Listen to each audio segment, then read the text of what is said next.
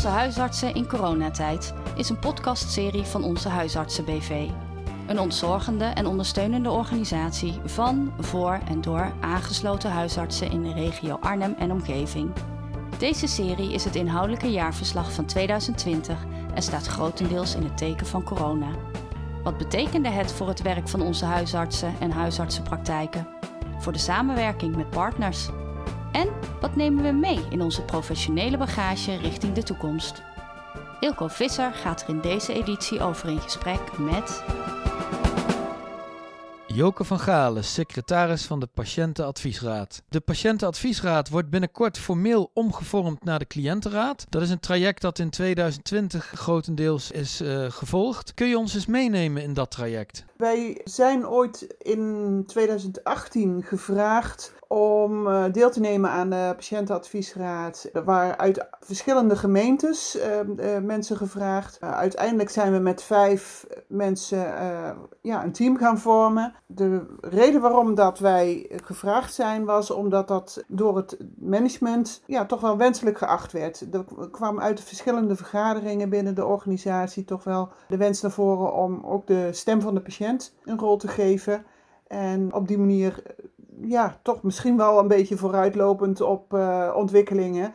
Want het zat er toch wel aan te komen dat, dat ja, de, de wet op de medezeggenschap toch wel veranderd zou worden. Maar los daarvan was het sowieso wenselijk om een, een par te hebben. Nou ja, wij zijn enthousiast van start gegaan. We hebben vooral in 2020 ons bezig gehouden met een werkplan, met uh, huishoudelijk reglement, van hoe gaan we het doen enzovoorts. Uiteindelijk ingehaald door de omstandigheden natuurlijk. Hè. En toen uh, hebben we ook weer kennis gemaakt met uh, het, het, digitale vergaderen. Want dat was het lot wat iedereen trof toen. Ja, dat is natuurlijk best een zorgelijke tijd geweest. En wij zijn als uh, patiëntadviesraad daar wel uh, goed van op de hoogte gehouden. We kregen ook de memo's van het crisisteam, want dat was ingesteld. En ook in iedere vergadering werd daar wel uh, op teruggekomen. Zo van, nou ja, god, hoe gaan jullie dit oplossen? Hoe gaat dat? Hoe krijgen we de patiënten toch bij de dokter die, die hulp nodig hebben? Want we zagen toch ook, behalve dan de coronapatiënten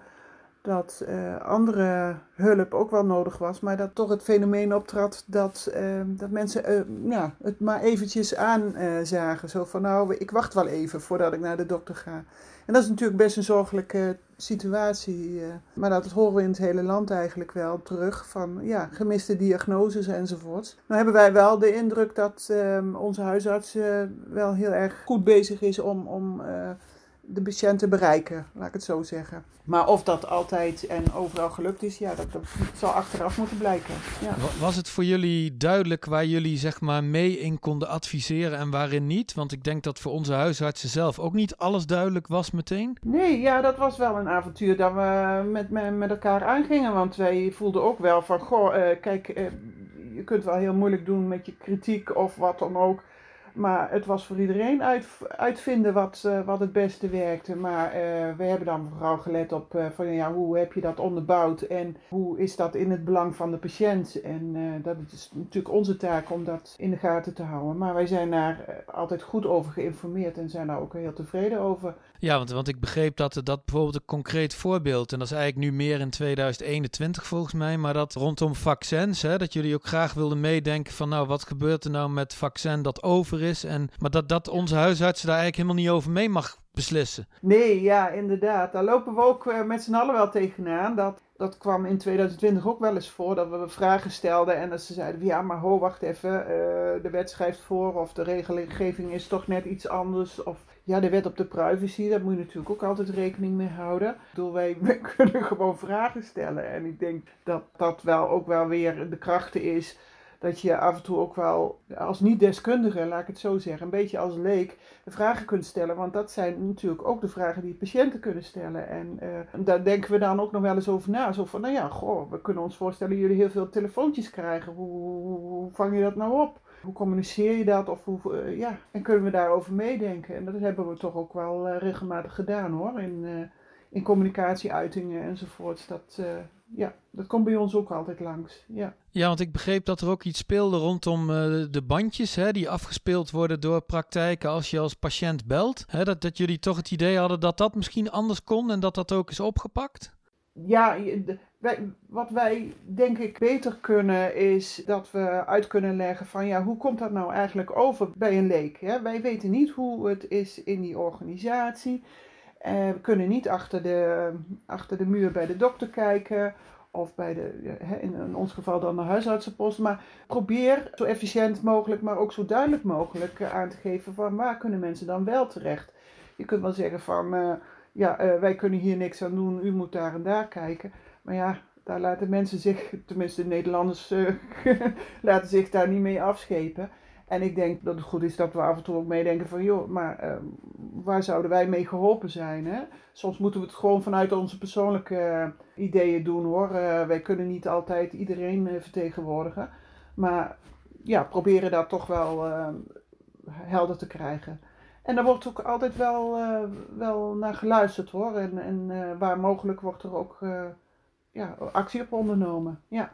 Ja, nou die coronatijd is natuurlijk toch een, uh, zeker in de eerste maanden was dat een echte crisissituatie. Uh, Zijn jullie als patiëntenadviesraad en straks als cliëntenraad ook dichter naar elkaar toegegroeid door deze periode? Ja, deels wel, deels niet. Ik denk uh, dat wij ons vooral in het begin wel een beetje afzijdig hebben gehouden. We hebben het een beetje op de achtergrond gevolgd. Dat we dachten van ja, die zijn druk genoeg. Ja, dan moet gewoon een crisis gemanaged worden. Daar moet je niet te veel hè, moeilijk over doen. Of, of ja, soms moet je dingen op de langere baan zetten. Omdat het nou eenmaal crisis is.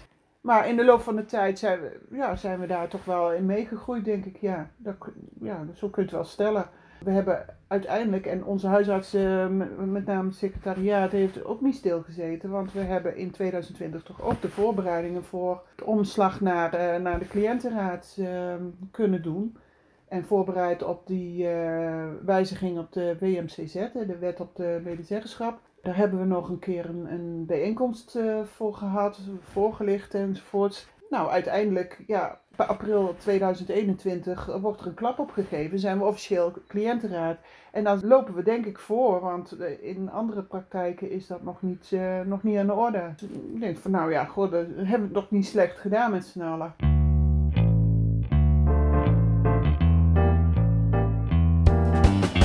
U luisterde naar de podcastserie Onze huisartsen in coronatijd. Presentatie en montage Ilko Visser. De muziek is van Marianne Huiskamp. Mocht u meer informatie willen over onze huisartsen of meer afleveringen in deze serie willen beluisteren, ga dan naar www.onzehuisartsen.nl. Wilt u feedback delen? Graag! Stuurt u dan een mail naar info.onzehuisartsen.nl onder vermelding van podcast. Bedankt voor het luisteren.